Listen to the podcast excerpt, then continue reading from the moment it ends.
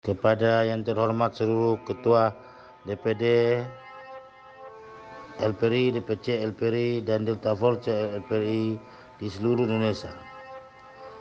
Sehubungan Hari HUT ke 8 tahun DPP LPRI yang semula rencana akan diadakan uh, di Provinsi Nusa Tenggara Barat yang dipromotorkan oleh DPD LPRI sampai saat ini dinyatakan uh, belum sanggup untuk merayakan hari Uhud ulang tahun di Lombok. Maka kami atas nama DPP LPRI uh, akan menyelenggarakan hari ulang tahun LPRI ke-8 akan dilaksanakan di uh, Banten khususnya di Pantai Cerita.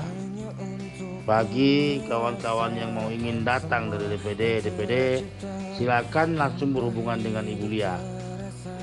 Tempat semua ditanggung masing-masing pengurus termasuk DPP.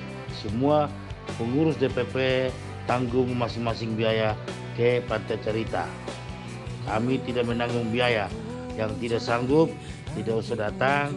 Yang sanggup silakan datang.